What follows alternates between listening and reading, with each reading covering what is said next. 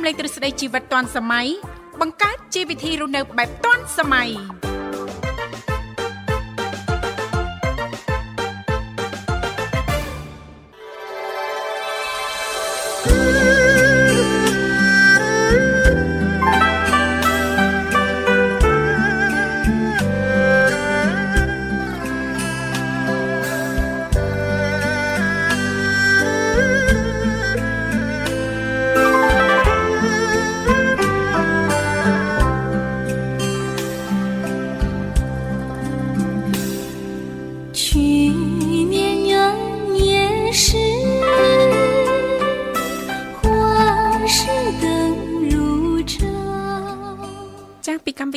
វិតឌွန်សម័យនាងខ្ញុំធីវ៉ារួមជាមួយលោកវិសាលសូមអនុញ្ញាតលំអរកាយគ្រប់នឹងជម្រាបសួរលោកលស្រីនាងកញ្ញាប្រិយមិត្តស្ដាប់ទាំងអស់ជីទីមេត្រី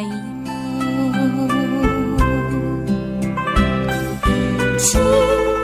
រីករាយណាស់នៅក្នុងកម្មវិធីជីវិតឌွန်សម័យដែលមានការផ្សាយចេញពីស្ថានីយ៍វិទ្យុមិត្តភាពកម្ពុជាចិនដែលលោកអ្នកនាងកញ្ញាទាំងអស់ចា៎កំពុងតែបើកស្ដាប់តាមរយៈរលក ធាតុអាកាស FM 96.5 MHz ដែលផ្សាយចេញពីរាជធានីភ្នំពេញក៏ដូចជាការផ្សាយបន្តទៅកាន់ខេត្តសៀមរាបតាមរយៈរលក ធាតុអាកាស FM 105 MHz ចា៎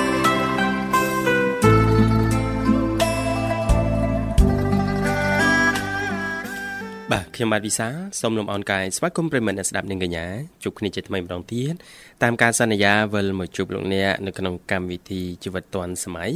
ពេលព្រឹកព្រលឹមចាប់ពីម៉ោង7រហូតដល់ម៉ោង9ព្រឹកបាទ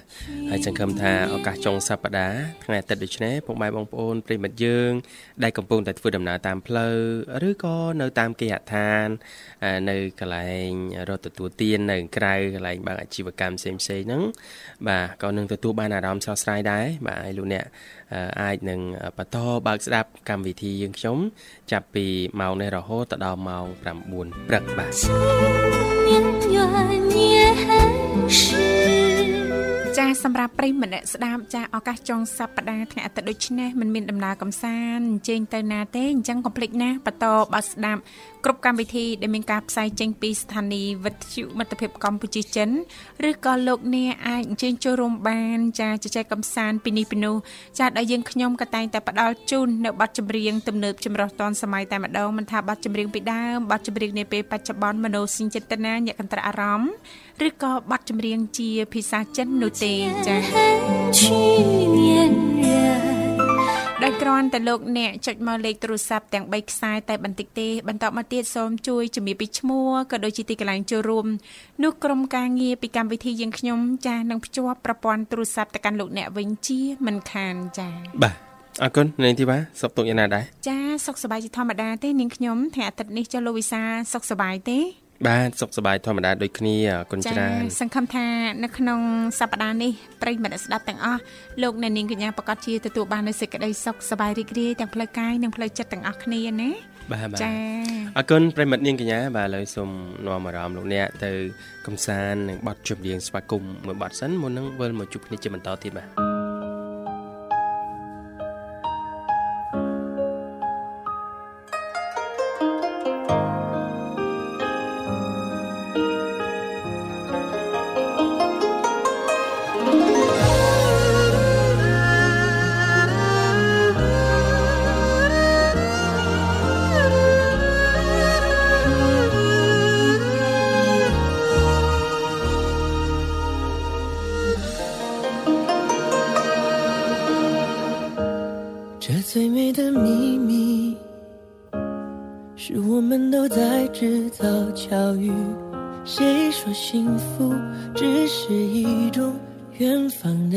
消息，思念持续着浓郁，梦甘甜下去，誓言继续，陪你累积所有回忆。暖手的是热茶，暖心的是你一句话，许给你一个家，再围上我的牵挂。这故事开始一个人我认真写成了我们这段缘分没有人转身。你也开始修改剧本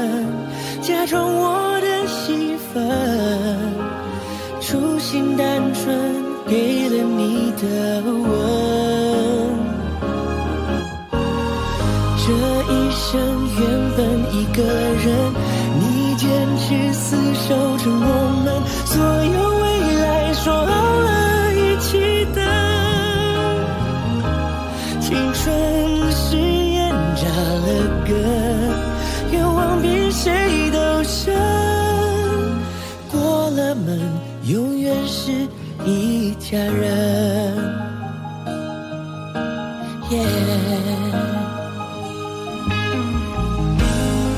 最美的秘密，是我们都在制造巧遇。谁说幸福只是一种远方的消息？思念持续着浓郁，梦甘甜下去，誓言继续，陪你累积所有回忆。暖手的是热茶，暖心的是你一句话，许给你一个家，再围上我的牵挂。这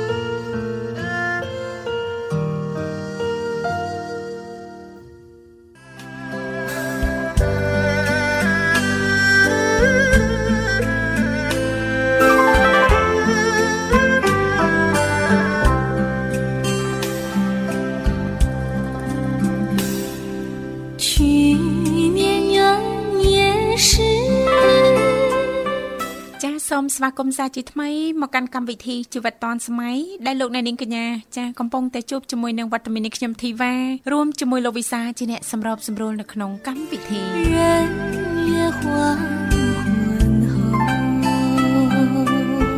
ទូទៅសម្រាប់មិត្តស្ដាប់ពីគ្រប់មជ្ឈដ្ឋានទាំងអស់លោកអ្នកនាងកញ្ញាក៏តែងតែជ្រាបថានៅក្នុងកម្មវិធីជីវិតឌွန်សម័យចាគឺមាននីតិខុសៗគ្នាតែម្ដងតាំងពីដើមសប្ដាហ៍រហូតដល់ចុងសប្ដាហ៍សម្រាប់ចុងសប្ដាហ៍ថ្ងៃអាទិត្យដូចនេះក៏តែងតែលើកយកពីនេះពីនោះជុំវិញនីតិសភ័នថ្ងៃអាទិត្យចា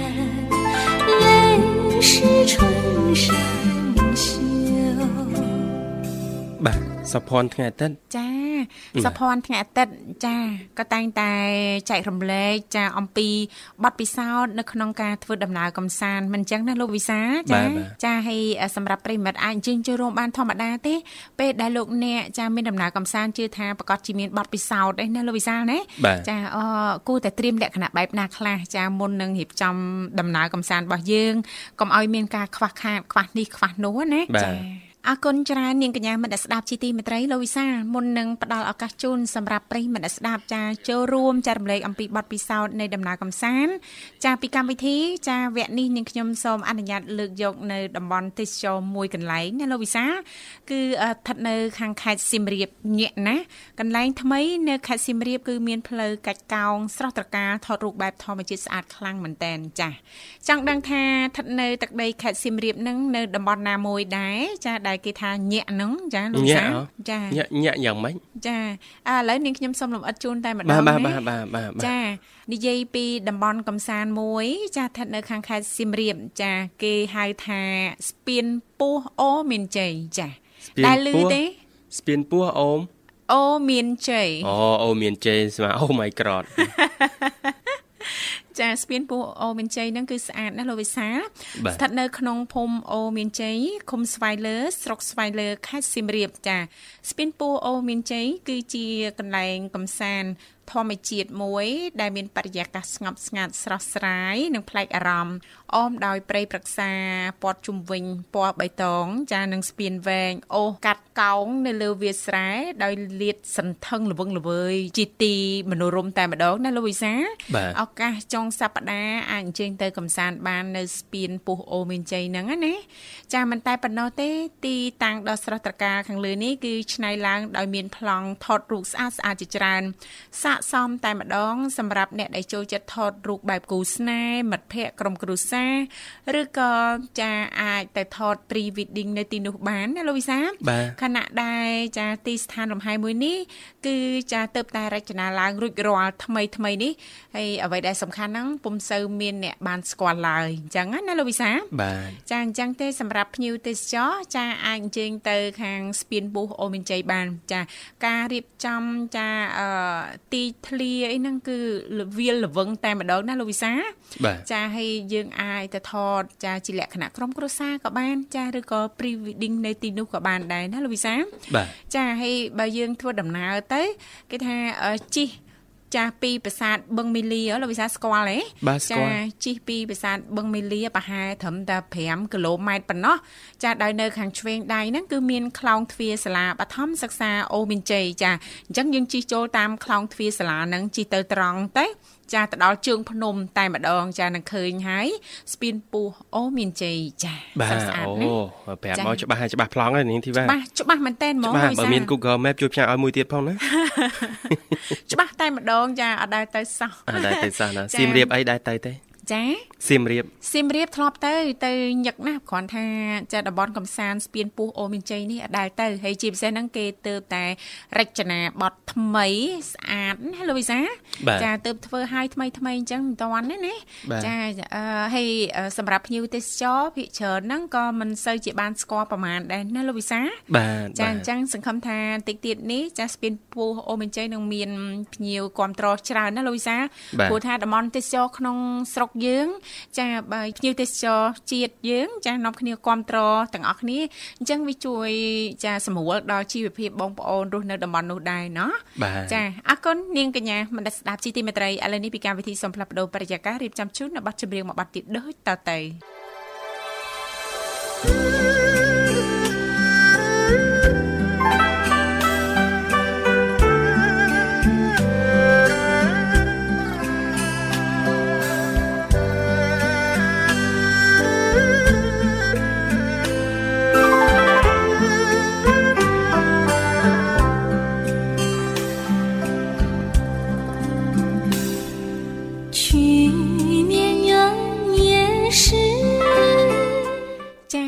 ច្រើនលោកលស្រីនាងកញ្ញាមនស្ដាប់ជីទីមេត្រីលោកអ្នកនាងកញ្ញាកំពុងតបស្ដាប់តាមរយៈការផ្សាយចេញពីស្ថានីយ៍វិទ្យុមិត្តភាពកម្ពុជាចិន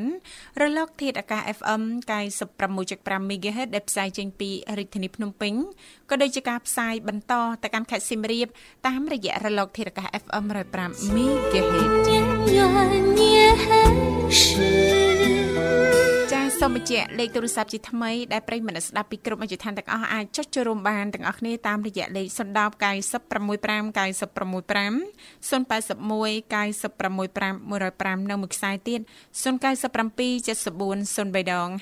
55ចា៎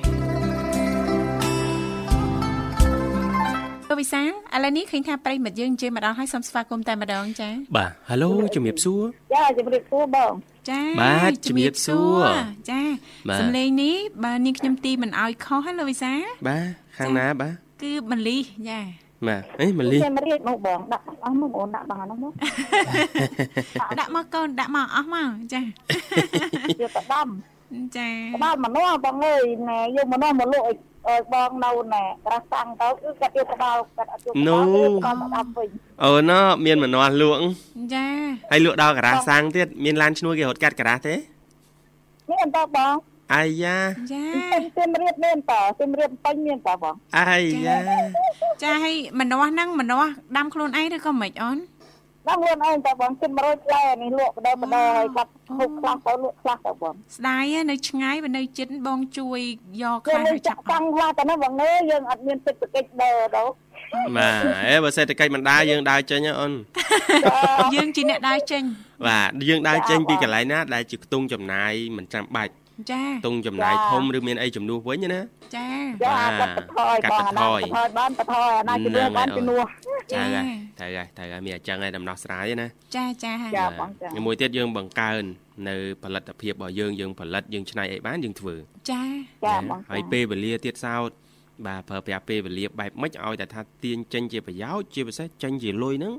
កុំកុំថ្នមខ្លួនថ្នមកម្លាំងចាបងអើយនេះសំតាំងពីបេះណែបេះតាំងពីណែ ត្រួយកាត់គេកាត់ខ្វះបងទៅចាបាទតាំងពីត្រួយណែបាសហើយនឹងត្រួយ7យកទៅលក់បងអើយបែមកអូនបែមកកាត់គេកាត់ខ្វះមិនអូនចាត្រួយ7ថ្លៃណាបើថ្ងៃមុននេះខ្ញុំទិញបានមកសម្លផងលោកវិសាលអស់5 6000ដែរគ្រាន់តែត្រួយ7ទេអញ្ចឹងសម្បូរបងនៅនេះលីដីជុំវិញភូមិយើងនឹងលបងអីហ្នឹងយើងចាប់ដើមបង្កើនការដាំដុះចាចា បន្លែបន្ទាប់បន្សំអញ្ចឹងពេលយើងមកផ្សារយើងយួរមកដាក់កន្ត្រកមកលើតម្រូវការហើយមកទល់មកនេះសំបីតែអ្នកផ្ទះបងហ្នឹងនៅខាងខេត្តហ្នឹងក៏គាត់ធ្វើអញ្ចឹងដូចគ្នាចាគាត់ដាំត្រប់គាត់ដាំម្ទេសគាត់ដាំអីដែលជាដំណាំបន្ទាប់បន្សំចាពេលគាត់ទៅផ្សារគឺគាត់បេះដាក់យកទៅហើយក្រៅពីផ្ញើឲ្យកូនចៅក្រៅពីហូបចុកខ្លួនឯងប្រចាំថ្ងៃលើតម្រូវការគឺឆ្នៃចេញជាលួយហើយឆ្នៃចេញជាលួយហើយមានមាត់តាពាំងនោះគឺមានតាពាំងផ្អែម ចាពាំងផ្អែមនឹងក៏តម្រូវការខ្ពស់ដែរអញ្ចឹងណាចាកាពាំងផ្អែមនោះកំពុងតែនេះដែរបងកំពុងតែម្ដងផ្អែមគេអើយមកបាន3ដើមដែរកំពុងតែទីលងដាំដែរបងបាទបាទហើយប្រហែលថ្ងៃមុននេះបងអូសបណ្ដាញសង្គមទៅឃើញបងស្រីម្នាក់គាត់នៅម្ដុំចកាដូងទេផ្ទះគាត់នៅជាក្រុងទេប៉ុន្តែផ្ទះគាត់តែវីឡាហើយដីឡូធំដឹងមិនគាត់ដាំអាទ្របទ្រប ធំធំហ្នឹងចាចាបាទគាត់ដាំច្រើនដល់ពេលហើយធម្មតាប្រមូលផលឲ្យហូបមិនទាន់ចាបាទគាត់បេះយកទៅលក់នៅផ្សារហើយអ្នកនៅផ្ទះវិឡាបាទយើងឆ្នៃហ่าបាទយើងកុំប្រកាន់ខ្លួនយើងយូរទៅបងឲ្យតែគំនិតយើងកើតទៅវាកាន់តែមានឡើងបាទអូហើយតែរបស់ធម្មជាតិចេះទៀតគេដឹងប្រវត្តិយើងដាំដុះនៅតាមផ្ទះចេះទៀតមិនបាច់ភ័យរឿងថាអេអត់អេទេហ្មងអូឲ្យតែលឺតែធម្មជាតិលោកវិសាបាទតម្លៃថ្លៃរៀងលើសមិនតិចមែនក៏ទិញដែរណាលោកវិសាបាទចាព្រោះឥឡូវបងប្អូនប្រជាពលរដ្ឋយើងចាគាត់ជ្រើសរើសរបបអាហារមួយដែលត្រឹមត្រូវជាពិសេសហ្នឹងគាត់គូច្បាស់លាស់តែម្ដងអំពីសុខភាពណាបាទបាទចាបងចាបាទខ្ញុំក៏នៅចង្កាយណែដូចថានេះដែរបងកាត់បន្ថយអាអាហារគីមីច្រើនដែរបងតាំងពីការហូបចុកតាំងពីបន្លែត្រីសាច់អីយើងទិញរបស់អ្នកស្រុកមកផ្ទាល់ផ្ទាល់ហ៎បងបាទហើយចំណាំអីបន្លែអីយើងដាំខ្លួនយើងបានខ្លះហូបខ្លះតគួនទីត្រប់អីស្បែកគួរអីយើងដាំខ្លួនហូបបានខ្លះទៅចាចាគេកាត់បន្ថយបានដែរបងតាំងពីចំណូលតាំងពីអា អង្ការឈីស្កាត់អីក៏រៀងថយដែរពុកខ្ញុំគាត់ចាស់ផងទៅចេះតែប្រយ័ត្នគឺអត់ភ័យគឺអត់នោះបងបារម្ភគឺអត់ចាចាបាទបាទអរគុណណាលីសម្រាប់ការចូលរួមជជែកកម្សាន្តសំណេះសំណាលឱកាសចុងសប្តាហ៍ណាជូនពរការជួបជុំក្រុមគ្រួសារកូនកូននេះសូមប្រកបតែភាពសប្បាយរីករាយក្នុងក្រុមគ្រួសារចាបាទរៀបចំជូនប័ណ្ណចម្រៀងមួយប័ណ្ណជូនលីរួចហើយចឹងអាចផ្ញើបាននោះណាចាបាទនេះប្រឡប់បងទាំងពីក្រុមគ្រួសារបងអង្គការគ្រប់កន្លែងបងប្អូនបាទអរគុណ បងបរិទ័ទាំងពីរផងហើយប្រិមិត្តចូលមុនចូលក្រោយប្អូនហើយស្ដាប់ឮដល់ណាអូនគ្នាដល់នឹងក្រុមគ្រួសារប្អូនផងបងអរគុណជំរាបលាបាទអរគុណជំរាបលាជួបគ្នាឱកាសក្រោយទៀតបាទប្រិមិត្តនាងកញ្ញាឥឡូវសូមបន្តមណ្ដាអារម្មណ៍រីករាយនឹងបទចម្រៀងមួយបទទៀតបាទ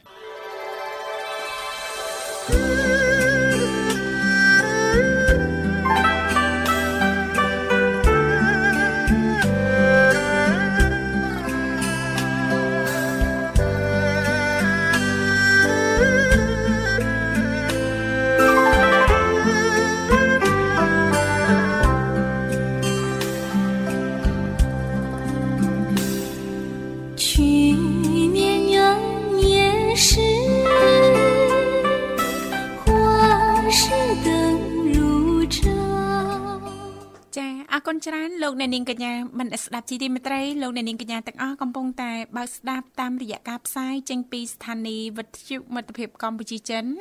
រលក ធាតុអាកាស FM 96.5 MHz ដែលផ្សាយចេញពីរាជធានីភ្នំពេញក៏ដូចជាការផ្សាយបន្តទៅកាន់ខេត្តសៀមរាបតាមរយៈរលក ធាតុអាកាស FM 105 MHz ចា សម្រាប់ឱកាសចុងសប្តាហ៍នេះលោកអ្នកនាងកញ្ញាមិនមានដំណើរកំសាន្តអញ្ចឹងទេកុំភ្លេចណាអាចបើកស្ដាប់ក៏ដូចជាចុចចូលរួមបាននៅក្នុងកម្មវិធីយើងខ្ញុំទាំងអស់គ្នាអ្វីដែលសំខាន់ចាគឺលោកអ្នកចំណាយតែប្រហែលសេនដបងតែប៉ុណ្ណោះបន្តមកទៀតចាក្រុមការងារពីកម្មវិធីយើងខ្ញុំនឹងតាក់ទងទៅកាន់លោកអ្នកវិញជាមិនខានចា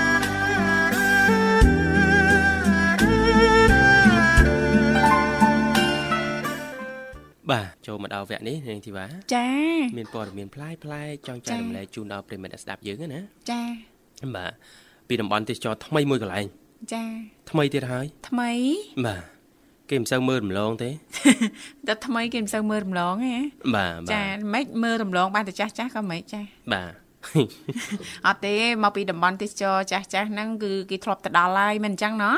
ចាអញ្ចឹងភ្ញៀវទេសចរចាចង់ទទួលយកនៅអារម្មណ៍ថ្មីចានៅតំបន់ទេសចរថ្មីទៀតណា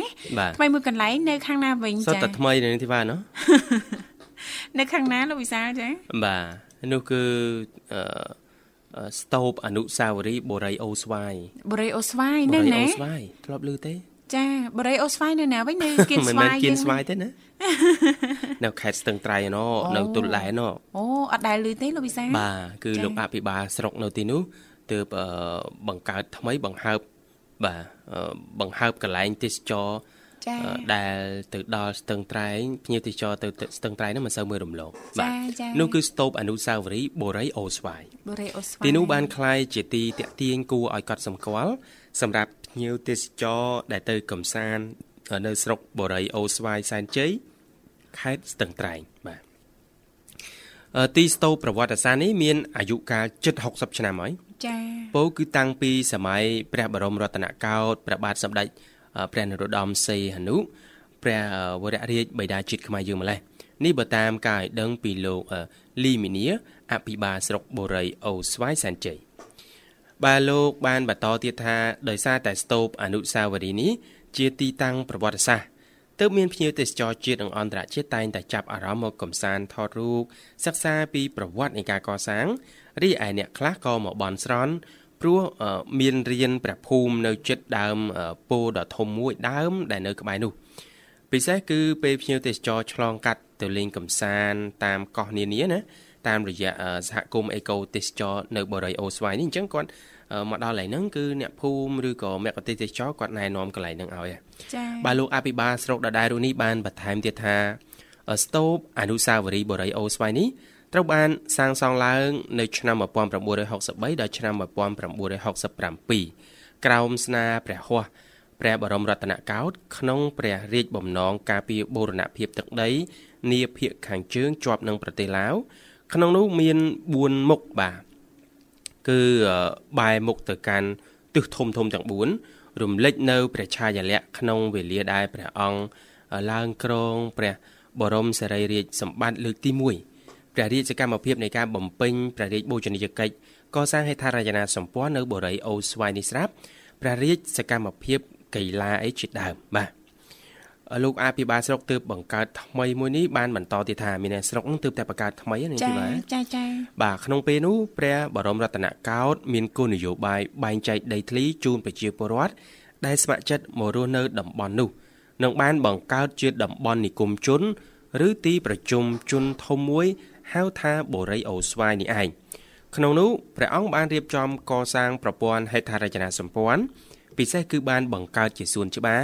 និងស្ទូបអនុស្សាវរីយ៍នេះផងដែរបាទចា៎ប្រជាជននិងភ្ញៀវទេសចរពិតជាមានការចាប់អារម្មណ៍ច្រើនចំពោះស្ទូបអនុស្សាវរីយ៍បូរីអូស្វាយនេះលោកបានបញ្ជាក់បន្ថែមបាទហើយសូមជំរាបជូនដែរថាស្រុកបូរីអូស្វាយសែនជ័យជាស្រុកដែលទើបបង្កើតថ្មីកាលពីនៅក្នុងឆ្នាំ2022ដោយបំបែកចេញពីស្រុកថាឡាបរវត្តនៃខេត្តស្ទឹងត្រែងនិយាយថាឡាបរវត្តដឹងវិញថាឡាបរវត្តចា៎បាទ ដែលមានព្រំប្រទល់ជាប់ជាមួយនឹងប្រទេសឡាវគឺខេត្តចម្ប៉ាសាក់នោះឯងចា៎ប្រមាណជិត100គីឡូម៉ែត្រចាប់ពីបង្គោលព្រំដែនលេខ109ដល់លេខ137ពលគឺចាប់ពីស្រុកឆែបខេត្តព្រះវិហារនឹងរហូតទៅដល់ស្រុកសៀមប៉ាងខេត្តរតនគិរីបាទចាអរគុណច្រើនចាស្គាល់តំបន់កំសាន្តថ្មីមួយទៀតស្ថិតនៅខាងខេត្តស្ទឹងត្រែងណាបាទបាទចាអរគុណឥឡូវនេះសូមផ្លាប់បដោប្រយាកររៀបចំជូននៅប័ណ្ណចម្រៀងមួយប័ណ្ណទៀតដូចតទៅចា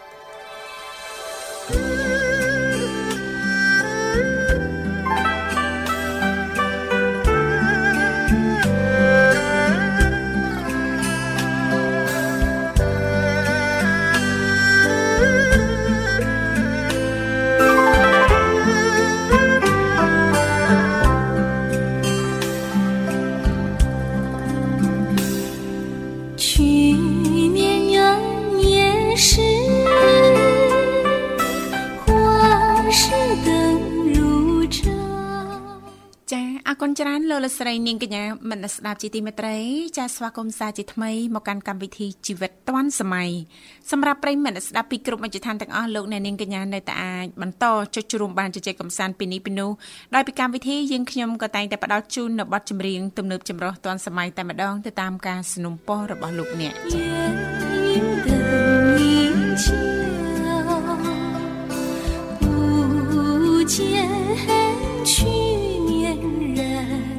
ចាលោកវិសាធ្លាប់បានទៅលេង ចាទឹកដីខេត្តសៀមរាបទេសៀមរាបចាអូទៅតាធ្លាប់ទៅណោះប្រហែលដងដែរហើយធ្លាប់អេចូល5 6ដងហើយចាញឹកណាធ្លាប់ទៅដំបងចាអាយុប្រហែលដែរទៅដំបងហ៎ចាកាលហ្នឹងដូចជាទៅពេញកន្លោះហើយឡើងមកពេញដំបងដំបងហេថាដូចទៅពេញកន្លោះពេលឡើងមកពេញដូចវាអត់តន់ត្រូវអត់តន់ត្រូវចាយើងកំឡោះដូចតាំងនៅស្រុកឯណោះ កាលនឹងទៅតែឡើងមកភ្នំពេញថ្មីថ្មោណាអូអញ្ចឹងហ៎បាទបាទចាធ្លាប់ទៅលេងសៀមរាបចាចាទៅលេងធ្លាប់ទៅលេងសៀមរាបហ្នឹងមានដឹងចាអំពី ចាអកំបាំងនៃចម្រឹងបង្អួចប្រាសាទអង្គរវត្តទេអូហេអន់អត់ដែលដឹងទេអត់ដែលដឹងសោះតែធីវ៉ាអើយនាងខ្ញុំក៏មិនធ្លាប់ដឹងដែរតែមិនដឹងមុនហ្នឹងនេះចាអញ្ចឹងចែកម្លែកតិចមើលបាទចាយ៉ាងម៉េចដែរ ចាតកតងទៅនឹងចាចម្រឹងបង្អួចប្រាសាទចាគឺមានបង្កប់នៅអាកំបាំងពិសេសណាបាទចាឥឡូវសូមលំអិតជូនប្រិយមិត្តស្ដាប់តែម្ដងណាលោកវិសាលណាបាទបាទចាប្រាសាទអង្គរវត្តគឺជាប្រាង្គប្រាសាទខ្មែរចាដ៏មានកេរ្តិ៍ឈ្មោះល្បីល្បាញទូទាំងសកលលោកអ្នកណាអ្នកណាក៏ស្គាល់ដែរអង្គរវត្តខេត្តសៀមរាបណាដែលបុព្វបុរសខ្មែរយើង បានកសាងជាគេដំណើរដល់ប្រជាពលរដ្ឋ កម្ពុជាចាមិនតែប៉ុណ្ណោះវត្តមានចារបស់ប្រាង្គប្រាសាទអង្គរវត្តបានធ្វើឲ្យតាក់ទាញភ្ញៀវអន្តរជាតិ ចាហើយអ្នកប្រាជ្ញស្ថាបត្យករវិស្វករនានាចាក៏ចាចូលរួមចាមកទស្សនាចានិយាយទៅទូទាំងសកលលោកពីគ្រប់មជ្ឈដ្ឋានទាំងអស់តែម្ដង ដើម្បីសិក្សាស្វែងយល់អំពីរចនាបថស្ថាបត្យកម្មប្រវត្តិនៃការកកើតក៏ដូចជាធាតុបង្គំនៃតួប្រាសាទផងដែរណាលោកវិសាបាទបាទអឺជាក់ស្ដែងចាកន្លងមកចាមានប្រិមិត្តយើងមួយចំនួនក៏បានដឹងនឹងមួយចំនួនទៀតនឹងពុំបានដឹងឡើយអំពីអច្ឆរិយៈភាពមួយ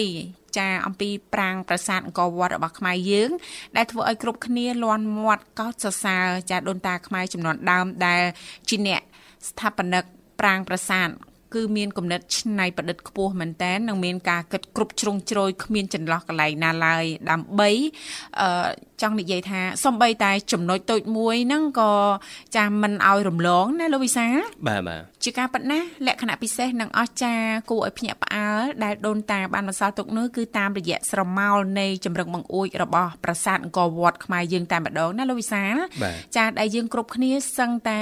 មិននឹកស្មានសោះថាបុព្វបុរសខ្មែរយើងអាចគិតបានដិតដល់ខ្លាំងបែបនេះណាពេលខ្លះយើងទៅលេងក៏យើងមិនបានទៅចាប់អារម្មណ៍ដែរមិនអញ្ចឹងណាលោកវិសាណោះតកតងទៅនឹងចម្រឹងបង្អួចណាចាឲ្យបើយើងពិនិត្យមើលឲ្យមែនតែនទៅ ចាយើងនឹងបានឃើញសមោល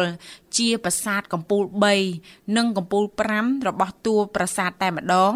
ដែលជះចេញពីចម្រឹងបង្អួចនៃប្រាសាទអង្គរវត្តយ៉ាងច្បាស់នឹងភ្នែកចា៎ បាទចាជឿថាប្រិមិត្តយើងមួយចំនួន ចាប្រកាសជាធ្លាប់បានទៅថតរូបនៅកន្លែងប្អួយនិងចម្រឹងប្អួយហ្នឹងប៉ុន្តែពេលខ្លះអត់បានចាប់អារម្មណ៍ទៀតណាលោកវិសាចាភាពអស្ចារ្យនេះគឺជាគំនិតច្នៃប្រឌិតដ៏ខ្ពស់ល្អអស្ចារ្យរបស់ដូនតាខ្មែរយើង ដែលបានបន្សល់ទុកឲ្យកូនចៅចំនួនក្រោយ ចាដូនតា បានបន្សល់ទុកឲ្យណាលោកវិសារហូតមកដល់បច្ចុប្បន្ននេះហើយចំពោះចំណុចដែលរឹតតែល្អឯក និងពិសេសថែមទៀតនោះគឺសមោលនៃចម្រឹងបង្អួយដែលយើងឃើញបានបង្ហាញយ៉ាងច្បាស់អំពីកពូលប្រាសាទ ឆ្លាស់គ្នាណាលោកវិសាលដែលមានសន្តានដូចតួប្រាសាទធំយ៉ាងប៉និតនិងពោពេញទៅដោយក្បូរក្បាច់រចនាដ៏ល្អឥតខ្ចោះចាស់នេះគឺពិតជាអច្ឆរិយភាពចាស់ដែលគួរឲ្យស្ងប់ស្ងាយមួយ ដែលមនុស្សធម្មតា ចាយើងពេលខ្លះហ្នឹងយើងមិនចាប់អារម្មណ៍នឹងនឹកស្មានធ្វើអញ្ចឹងដល់ណាលោកវិសាដែលសំបីតែចម្រឹងបអួយហ្នឹងក៏មានប្រកបនៅអាកំបាំងនិងលក្ខណៈវិសេសវិសាលមិនអាចកាត់ថ្លៃបានណាចានេះខ្ញុំធ្លាប់ទៅថតដែរចាចម្រឹងបង្អួយនៅអង្គរវត្តហ្នឹងលោកវិសាធ្លាប់ទៅដែរចាធ្លាប់ទៅហើយដល់បានថតទៀតណាមានរូបថតទៀតគ្រាន់ថាអត់បានចាប់អារម្មណ៍ចាមើលសមោលចម្រឹងបអួយទេណាឃើញកំពូលប្រាសាទចា3ហើយនឹង5ចាឆ្លាស់គ្នាចាអេ ចាតសើតសើអ្នកចាប់អារម្មណ៍ទៀតលូវីសាបកែបកែចាប់អារម្មណ៍បកែសង្កេតណាបាទចាពិតជាអស្ចារ្យមែនតែនណាចឹងមិនថាអច្ឆរិយៈបាទភាពអច្ឆរិយៈលេចឡើងជាបន្តបន្ទាប់ណាចាហើយយើងមិនដឹងទៀតថាតើនឹងមានភាពអច្ឆរិយៈអីខ្លះទៀតដែលបុព្វបុរសខ្មែរដូនតាយើងនេះបានបង្កប់នៅក្នុងសំណង់នៃប្រាសាទអង្គរវត្តក៏ដូចជាសំណង់ប្រាសាទផ្សេងផ្សេងទៀតដែលមានសពថ្ងៃពីព្រោះ ពីមួយឆ្នាំទៅមួយឆ្នាំហ្នឹងគឺមានការស្រាវជ្រាវរកឃើញជាថ្មីថ្មីជាបន្តបន្ទាប់នាងធីវ៉ាចាចាដូចជាគេ scan ពីលើអាកាសដោយបច្ចេកវិទ្យា LiDAR អីជាដើមណាឃើញបរិវេណអង្គរតូចយូរហ្នឹងគឺមិនមែនតែប៉ុណ្្នឹងទេគឺលាតសន្ធឹងរាប់រយហិកតានោះនឹងទីបាទអញ្ចឹងគឺធំមែនតែនចំនួនហ្នឹងណាចាបាទអរគុណច្រើនពេលមិត្តនាងកញ្ញាជំរាបជូនតែតែប៉ុណ្្នឹងចាប់ហើយនឹងទីបាទឥឡូវសូមផ្លាប់ដងបៃអាកាសបន្តរៀបចំជូននៅប័ណ្ណចម្រៀងមួយប័ណ្ណទៀត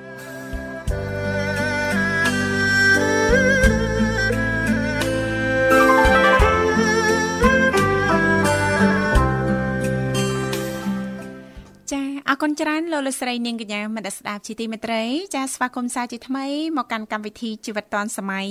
សម្រាប់លោកអ្នកឱកាសចុងសប្ដាហ៍មិនមានដំណើរកំសាន្តអញ្ចឹងកុំភ្លេចណាអាចអញ្ជើញចូលរួមឬក៏បន្តបើកស្ដាប់បានតាមរយៈការផ្សាយចេញពីស្ថានីយ៍វិទ្យុមិត្តភាពកម្ពុជាចិនរលក ធាតុអាកាស FM 96.5 MHz ដែលផ្សាយចេញពីរាជធានីភ្នំពេញក៏ដូចជាការផ្សាយបន្តទៅកាន់ខេត្តសៀមរាបតាមរយៈរលកធាតុអាកាស FM 105 MHz 月是圆。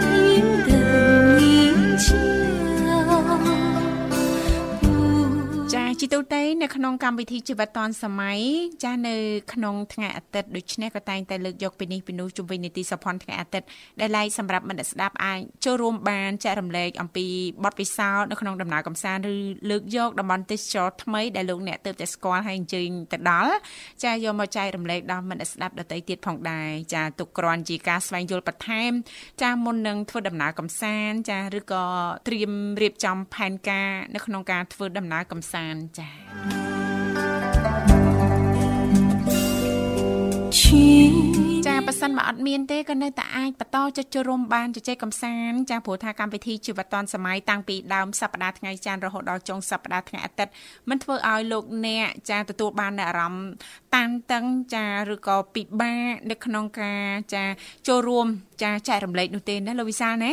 ចាគ្រាន់តែចូលរួមជជែកកម្សាន្តសบายសบายរីករាយចាដើម្បីចាទទួលបាននៅប័ណ្ណចម្រៀងចាអាចចុចចូលរួមបានចា ចាតែនាងធីវ៉ាឃើញមុខខ្ញុំញញឹមដាក់ខ្ញុំហ្នឹងមិនមានបំណងមិនល្អលើខ្ញុំមែនចាឃើញលោកវិសាកេះច្រមុះមិញចានេះខ្ញុំចាទៅតែឃើញវីដេអូចាកុមារាម្នាក់ចាគាត់កំពុងតែរៀនកុំប្រៀបធៀបខ្ញុំមួយកុមារាយ៉ាត់ខ្ញុំខឹងខ្ញុំធំហ៎ធំហ៎ហ៎បាទចាគាត់អើគឺចា មានអ្វីចង់ចែករំលែកបន្តវគ្គនេះដែរបានណែនាំតំបន់ទេសចរមួយកន្លែងទៀតនេះធីវ៉ាចាតែនាំតំបន់ទេសចរទៀតនាំតំបន់ទេសចរទៅខាងទៀតប្រងនាំតំបន់ទេសចរទៅណានោះអត់ទេនាំអារម្មណ៍ប្រិមិត្តនៅនេះធីវ៉ានេះទៅតាមដាននៅទីតាំងកន្លែងរីសតកន្លែងកំសាន្តមួយកន្លែងចាចាដែលលក្ខណៈពិសេសនោះទីនោះពីមុនគឺកន្លែងប្រមូលផលនេសាទអូ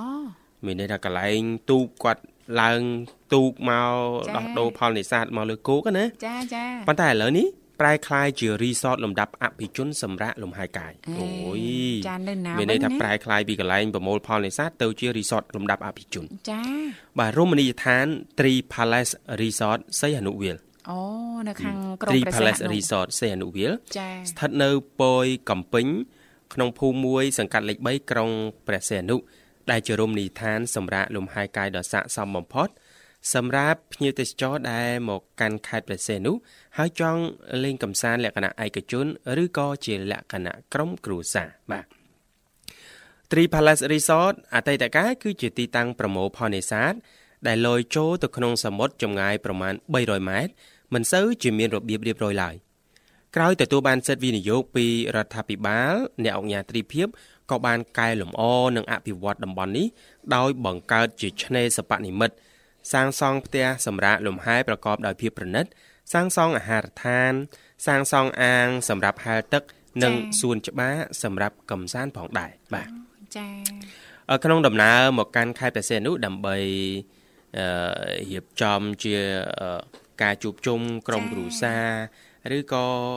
ជួបជុំ បុគ្គលិកក្រុមហ៊ុនស្ថាប័នអីផ្សេងផ្សេងណាភាគច្រើន គឺគេកោតសរសើរចំពោះភាពតាក់ទាញនៅរមណីយដ្ឋានមួយនេះនាងធីវ៉ាដែលបានកែលម្អហើយនឹងអភិវឌ្ឍនៅតំបន់ពយកំពេញនេះឲ្យក្លាយជាកន្លែងសម្រាប់លំហែកាយប្រកបដោយភាពតាក់ទាញនៅក្នុងក្រុងព្រះសីហនុបាទចា បាទជាមួយគ្នាដែរគេសម្លឹងឃើញថាទីនេះនឹងក្លាយជាគោលដៅទេសចរដ៏កាន់តែតាក់ទាញបន្ថែមទៀតចា៎ដឹងបច្ចុប្បន្នអ្នកទៅលេងខេត្តប្រសិទ្ធនុគាត់ចាប់អារម្មណ៍អីហ្នឹងទេបាទចា៎ចាប់អារម្មណ៍អ្វីទេគឺគាត់ទៅកន្លែងដែលជាអត្តសញ្ញាណពីមុនយើងទៅខេត្តប្រសិទ្ធនុយើងទៅថតនៅណាតោ2ហ៎តោ2វងមូលតោមែនទេចាចាប៉ុន្តែឥឡូវយើងមានអីយើងមានដើមឈើចាំស្នែដើមឈើចាំស្នែហ៎ហើយក្រោយបំផុតហ្នឹងយើងមានរូបសំណាកដ៏ធំហ៎ ព្រះថោងតោងស្បៃនឹងនេះអញ្ចឹងឥឡូវនេះឲ្យតែអ្នកទៅលេងផ្លូវនោះកំពង់សោមជីកាត់អត់បានថតរូបជាមួយនឹងរូបសំណាករបស់ព្រះថោងតោងស្បៃនឹងនេះដោយអត់បានទៅលេងខេត្តផ្សេងនោះយ៉ាងឬក៏ថាទៅឲ្យភ្លេចប្រាប់គេគេអត់ជឿ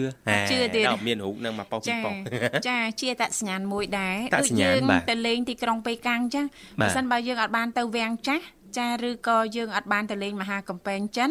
ក៏ដូចយើងមិនបានទៅប្រទេសចិននេះពីស្លោករបស់ប្រជាជននៅប្រទេសចិនណាចាអញ្ចឹងដូចគ្នាអញ្ចឹងបើសិនបើយើងទៅដល់ក្រុងព្រះសីហនុហើយអត់បានថតចា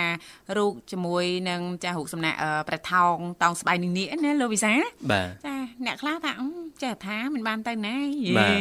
អ្នកខ្លះអត់បានថតរូបតោងតតោងនៅឆ្នេរសមុទ្រសិនមកវិញចាំថតមកវិញចាំថតណាគាត់នឹកសមុទ្រខ្លាំងហ៎និយាយលេងសើចអីនឹងទីបាទនឹកឯនឹកឆ្នេរ ចានឹកដែរឆ្នេរសមុទ្រខេត្តពិសេសនោះចាចានឹកនឹកនឹកខាន់ទៅយូរហើយខាន់ទៅយូរដូចជាងកន្លះឆ្នាំហើយអូអត់អីនៅមួយឆ្នាំជាងទៀតទេចឹងអរគុណនាងកញ្ញាមនស្ដាប់ជីទីមេត្រីឥឡូវនេះពីកម្មវិធីសូមផ្លាប់បដោបរិយាកាសរៀបចំជូននៅប័ណ្ណចម្រៀងមួយប័ណ្ណទៀតដូចតទៅ